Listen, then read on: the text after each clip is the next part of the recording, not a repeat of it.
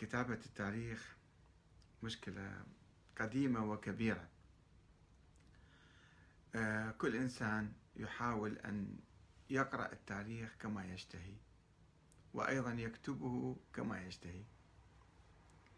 التاريخ القديم والتاريخ الحديث والأحداث الجارية الآن أيضا.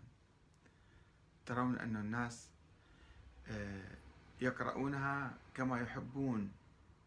هذا إنسان مجاهد. هذا إنسان عميل هذا إنسان مناضل هذا إنسان وطني هذا إنسان كذا. دائما الأوصاف يعني تقلب ويقوم الإعلام بدور كبير في آه، تزوير التاريخ وتزوير الأحداث وتزوير اتهامات. الثورة الإيرانية ثورة الإمام الخميني صنعتها فرنسا. أو صنعتها أمريكا مثلا. وفلان قائد فلان زعيم هذا اللي كان هو في خدمة أمريكا وفي خدمة إسرائيل يصبح وطني ويصبح ثوري ويصبح مواطن يعني مناضل.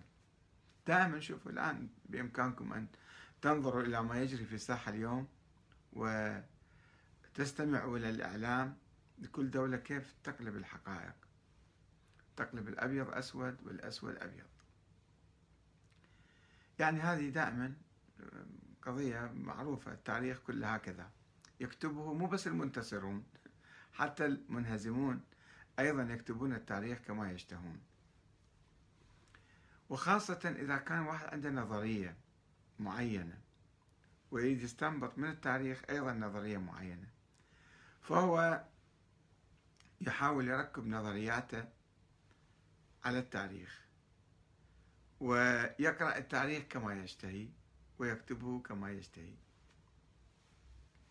وأمثلة كثيرة بالتاريخ ليست قليلة أمثلة كثيرة جدا. إذا تحب واحد أنت لازم تعظمه. وإذا تكره واحد أيضا لازم تسقطه تماما.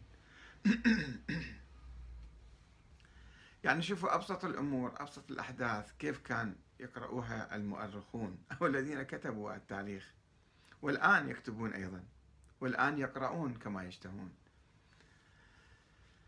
الإمام علي بن أبي طالب عليه السلام اختلف قليلا كم يوم مثلا مع السلطة الجديدة التي قامت بعد وفاة الرسول. ثم بايع أبا بكر وبايع عمر وبايع عثمان وكان لهم ناصحا وأمينا. حتى قال عمر لا أبقاني الله لمعضلة ليس لها أبو الحسن. دائما موجود ودائما يحل مشاكلي. وينصح نصائح فعلا مع الواحد مخلص. يجوك ناس يقول لك لا أمير المؤمنين ما بايع لأن هو اعتنق نظرية معينة أنه النبي مثلا نصب الإمام علي خليفة من بعده. فشلون الإمام علي يروح يبايع أبو بكر؟ ما يصير. عنده ما يصير. بعقله ما يصير. فشي يسوي؟ لازم يقلب التاريخ. يقول لا الإمام علي ما بايع إنما هذا أجبر على البيعة. طيب كيف أجبر على البيعة؟ وهو حواليه الأنصار وحواليه قريش وبني هاشم وهم قبائل قوية يعني. وموقع مو واحد عادي حتى يجبروه مو واحد جاي من الصحراء. يقول لك لا أجبر واقتحموا البيت وأصروا الزهرة ورا البيت وأسقطوا جنينها وكسروا ضلعها وسووا لك فيلم طويل عريض حتى يبررون أن الإمام علي أجبر وسحب هاك جرجروه جرجروه إلى البيعة. هم ما يذكروا أحد على البيعة واحد آخر من أضعف الناس. سعد بن عبادة رفض أن يبايع أبو بكر وكل شيء ما سوى له. المهم الإمام الحسن بايع معاوية. لا مو معقولة. مستحيل ما يصير. شلون يبايع معاوية؟ لا ما بايع. هذا كذب هذا التاريخ مزور يعني يقرؤون التاريخ كما يشتهون. وتاريخ الأئمة أيضا. مرة واحد يجي يقرأ قراءة ثورية عن ذول الأئمة أو بعض الأئمة مثلا كان عندهم تنظيم سري وكان عندهم كذا وكانوا يدعمون كل حركات المعارضة ضد العباسيين والأمويين. وكانوا وكانوا وكانوا يألف من التاريخ كما يشتهي وكما يقرأ وكما يريد أن يقرأ هذا الإمام أو ذاك. الإمام زيد بن علي هذا قام بالثورة بأمر الإمام الصادق. وما كان على خلاف مع أخيه يعني نسوي كما كما نريد حتى يعني نحافظ على نظرياتنا. وهذا ما يسمى أيضا بالقراءة الباطنية أو التفسير الباطني للأحداث. ووصل إلى درجة أنه يختلقون أشخاص ما موجودين مثل محمد بن عبد الله الأفطح وما يعترفون بوفاة إسماعيل. إسماعيل مات قدام الناس لا ما مات. هذا ما دام إمام عينه فإذا هو إمام بعده. ويبقى حي. وهكذا يعني التاريخ.